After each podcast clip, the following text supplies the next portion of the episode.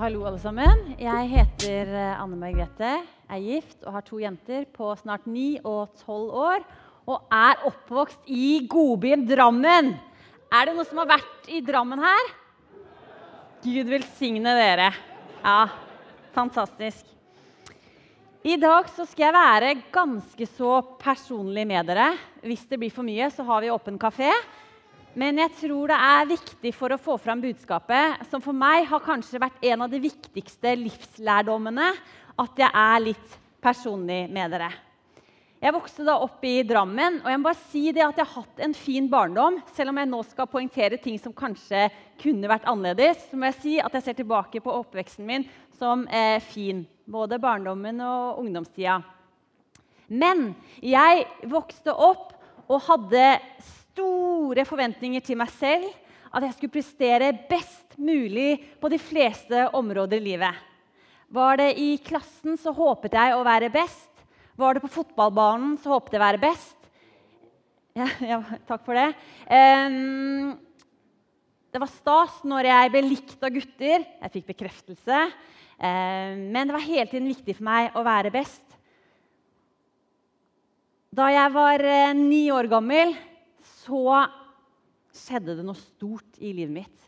Vi spilte fotballkamp med jentelaget. Vi vant 13-0.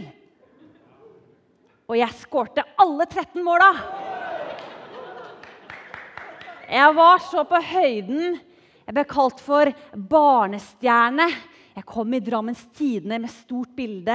Jeg kom med en liten tekst i VG hvor det var snakk om at det her er kanskje eh, det som eh, landslagstrener Pellerud sårt trenger på landslaget. Eh, jeg kommer dagen etter med avisen i hånden. Olaskjorte hadde jeg den gangen også. Og var stolt. Jeg følte meg bra. Jeg følte meg så verdifull.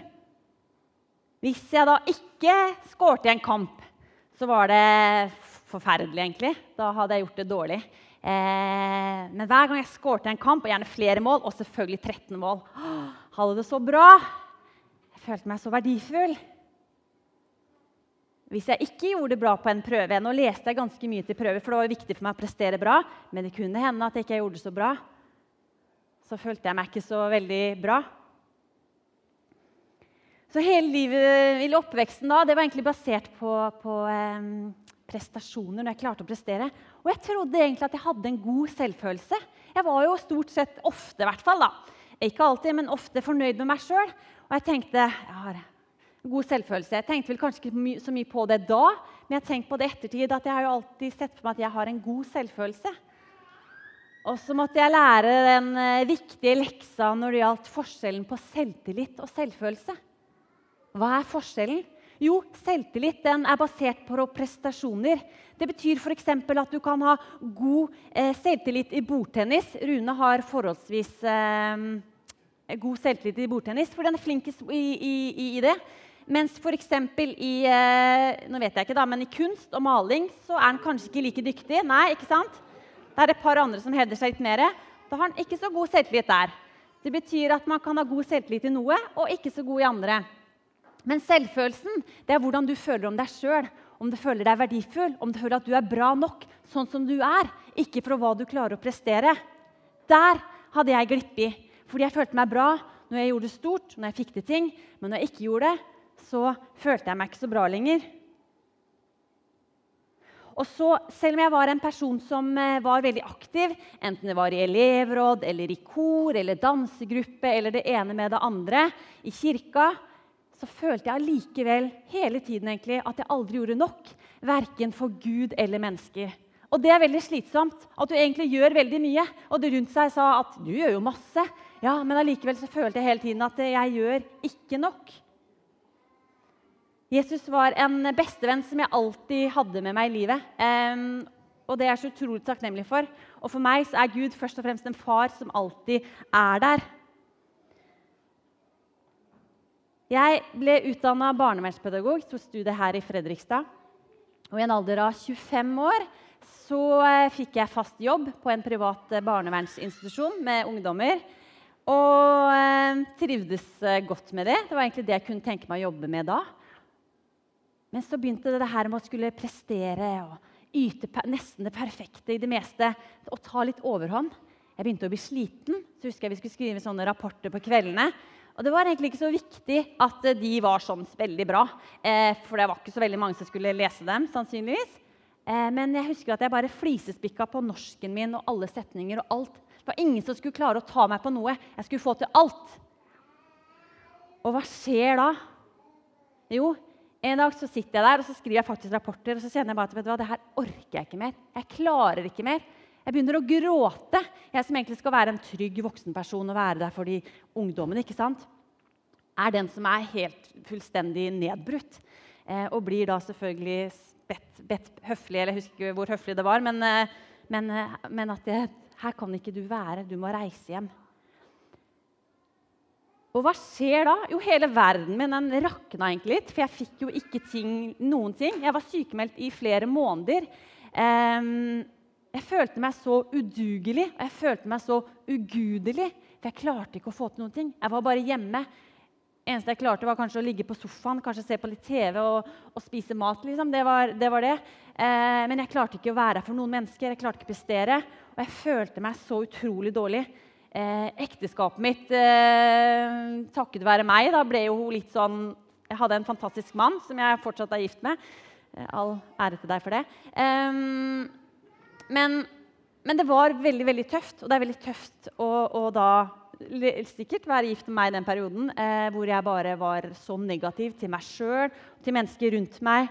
Eh, det er jo det man kaller å, å møte veggen. Og det trodde jeg vel aldri at jeg skulle oppleve. Og det var så sinnssykt nederlag for meg når jeg gjorde det. Så var det den der eh, viktige livslærdommen som jeg måtte lære meg. da. Og det var jo nettopp det her. Jeg måtte se innså det at vet du hva, jeg har vokst opp med relativt god selvtillit på mange områder. Men, eh, men selvfølelsen min var jo, var jo, basert på prestasjoner. Og når ting ikke går som du eh, tenker da, eller når du ikke klarer å gjøre noe fordi du er sykemeldt, så, så raser det litt. Og da kan det gå over i selvforakt og selvfordømmelse. Og det var det jeg kjente veldig på. Og det var utrolig tøft og veldig mørkt. Og så måtte Gud da på en måte bygge meg opp og lære meg Vet du hva, Anne? Jeg elsker deg jo fordi den du er. Jeg fikk følelsen av at selv om jeg skulle ligge i den sofaen for resten av livet mitt og aldri klare å være der for noen andre enn, enn å være der, så elska Gud meg like mye. Fordi hans kjærlighet til meg den er ikke basert på hva jeg klarer å prestere. Den er maks hele tiden. Og selv om jeg skulle gjøre dumme ting noen ganger, som jeg tenker er uheldig for meg da, og andre mennesker rundt, men Gud elsker meg ikke noe mindre av den grunn. Guds kjærlighet den er helt ubetinga. Jeg har lyst til å lese fra 1. Korinterne 13. og Hvis man har vært i bryllup, så kjenner man nok igjen disse bibelversene. Så blir de stående, disse tre, tro, håp og kjærlighet, men størst blant dem er kjærligheten. Og den aller største kjærligheten som finnes, vet du hva det er? Det er den kjærligheten som Gud har til deg. Han har skapt deg. Han skapte deg fordi han ønsket å være sammen med deg og fordi han ønsket å elske deg, ikke først og fremst at du skal gjøre mye ting for ham. Kjærligheten fra Gud til deg, den faller aldri bort. Så jeg har lyst til å få opp et bilde som ikke Rune har, har tegna, men som Andrea, som går her, hun har eh, tegna. Og jeg syns den illustrerer så fint hva som bærer oss. Det er jo Guds kjærlighet til oss det er ikke så mye han der presterer akkurat, men han bare er chill. Og han er bare elsket for den som han er. Når eh, jeg og mannen min skulle gifte oss, det begynner jo å bli ja, 14 15 år siden, eller sånn, um, så lurte vi litt på hva vi skulle ha gravert inni i gifteringen. Da snakka vi om 'din for alltid'. Ikke sant? Er ikke det romantisk? Kjempefint. Så tenkte jeg bare Det var jo ikke så romantisk. Fordi når du gifter deg, så er du på en måte litt stuck. Har du liksom Din for alltid. Lykke til. Så snakka vi sammen. Nei, hva skal vi? Vi må ha noe annet. Vi må ha noe annet. Hva skal vi ha? Elsker deg for alltid. Ja, for det er et valg. En ting er at jeg er hans for alltid. men at han elsker meg for alltid. Det er sterkere. Tenk at noen har valgt å elske deg for alltid. Gud har valgt det. Kjærligheten til deg den faller aldri bort. Og så var det litt spesielt, faktisk. Fordi det var nesten som om Gud selv kom og besøkte meg på onsdagskvelden. For da eh, Jeg har slitt litt med hodepine innimellom, og da var det en sånn veldig veldig hodepinekveld. Eh, jeg lå helt rett ut, ikke så veldig fresh. Eh, og kunne selvfølgelig ikke prestere noe som helst. Da sier mannen min til meg Bare se på meg med sånne kjærlighetsfulle øyne, så sier han Jeg elsker deg så utrolig mye. Og jeg merka at det var ikke påsatt. Han mente virkelig. Det så jeg hørte jeg med hvordan han sa det. Når jeg da lå der, så tenkte jeg åh, det her var liksom Guds stemme i det òg. Der ligger jeg fullstendig ute av stand til å gjøre noe som helst fornuftig. Ufresh så jeg sikkert ut også. Det fikk jeg egentlig bekrefta fra døtrene mine.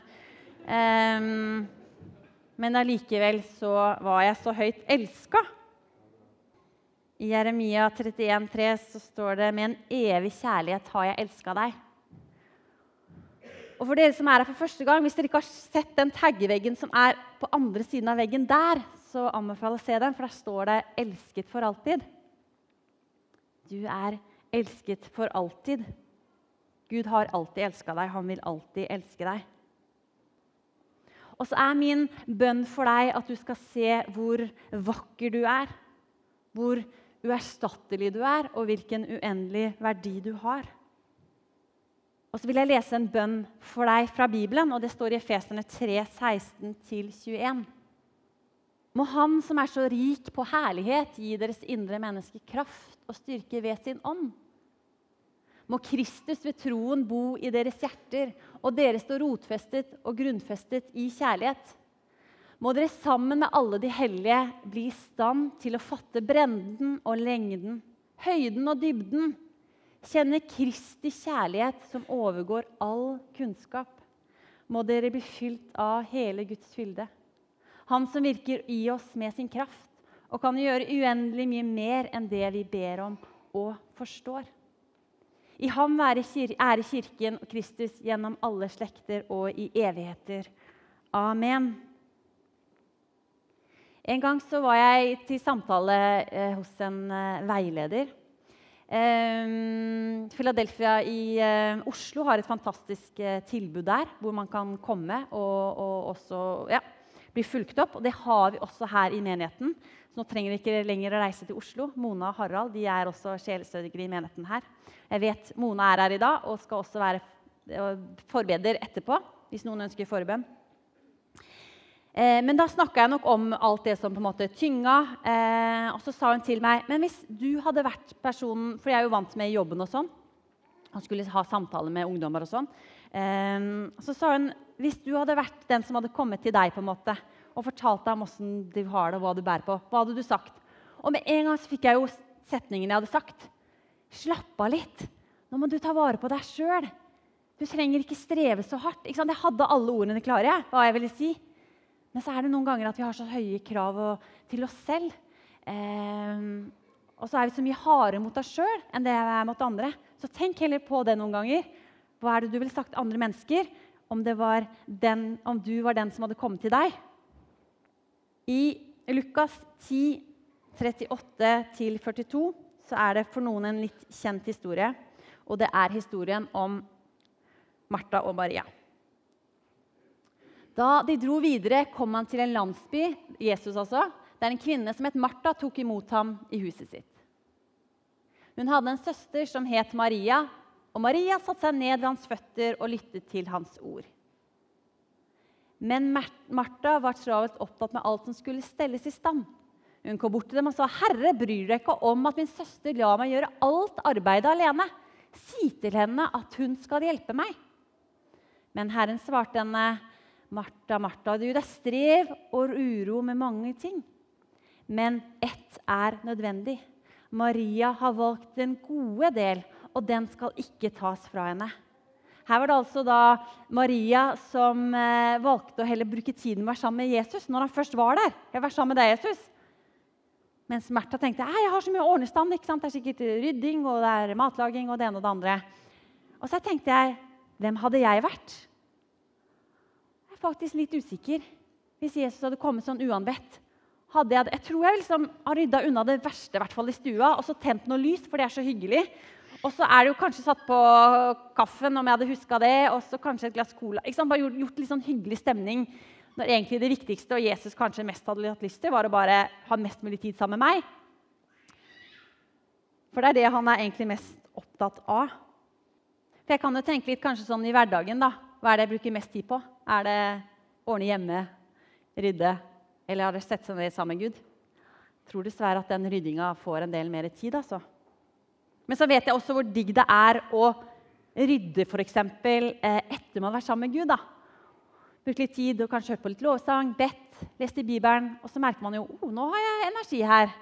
Og så er det jo ikke det det handler om at man ikke skal gjøre noe. Med tanke på det at jeg sa at hvis, hvis, man hadde ligget i sofaen resten av livet, så hadde Guds kjærlighet fortsatt vært der. Og det, jeg, det er virkelig sånn. Men jeg tror også at måte, når man har fylt seg opp sjøl, eh, så er det så fantastisk å kunne være der for andre mennesker. Men det er så viktig at du først er fylt opp sjøl. I Efeserne 2, 8-10 så står det For av nåde er dere frelst ved tro. Det er ikke deres eget verk, men Guds gave. Det hviler ikke på gjerninger for at ingen skal skryte av seg selv. For vi er Hans verk, skapt i Kristus Jesus til gode gjerninger, som Gud på forhånd har lagt ferdige for at vi skulle vandre i dem. Og det her var også noe jeg måtte lære meg. At på en måte, Jeg skal ikke drive og stresse rundt og få til og prøve å gjøre så mye. Men jeg skal heller tenke litt også, ok, Gud, hva er det du ønsker at jeg skal gjøre i dag? Eller hvem er det du vil jeg skal være sammen med? Eller hva er det du vil at jeg skal bruke fritida mi på? Fordi Hvis jeg fyller det, så får jeg jo bare vondt i hodet og er sliten. Og da har jeg på en måte gjort litt for mye eller har prioritert litt eh, annerledes enn det som kanskje var tenkt. Og det er helt fantastisk når man merker at det, eh, den personen skal du være sammen med da. Så merker du at oi, det kan ha betydning. Jeg måtte lære en, som jeg sa, en tøff lekse om forskjellen på selvtillit og selvfølelse. Men når jeg lærte meg det, så satte det meg virkelig fri. Da takler jeg også motgang bedre når jeg kjenner at ja, men jeg er jo fortsatt like verdifull uansett. Og jeg føler ikke lenger det at jeg ikke gjør nok. Det er en utrolig frihet, det også. At man ikke trenger å føle på det at du skulle gjort mer, du skulle gjort mer. Jeg har lyst til å be en bønn. Kjære far, jeg takker deg Gud, for at du alltid har vært sammen med meg. At du har vært gjennom med meg i alle tider. Selv om det noen ganger kanskje har, du har virket fjern, så har du vært med meg, Jesus. Jeg ønsker å be deg for de fantastiske folka som er her, Gud. Jeg ber om at eh, hvis noen ikke føler seg fri på det her, Gud, så må du sette de fri, Gud. Jeg ber om at du må vise dem din kjærlighet, far. At du elsker dem mer enn noe annet, far, bare fordi de er dem, far. Hjelp oss til å legge alle prestasjoner og jag etter å få til ting, Jesus, og kunne få lov til å hvile i deg og gå i dine ferdiglagte gjerninger. I Jesu navn. Amen.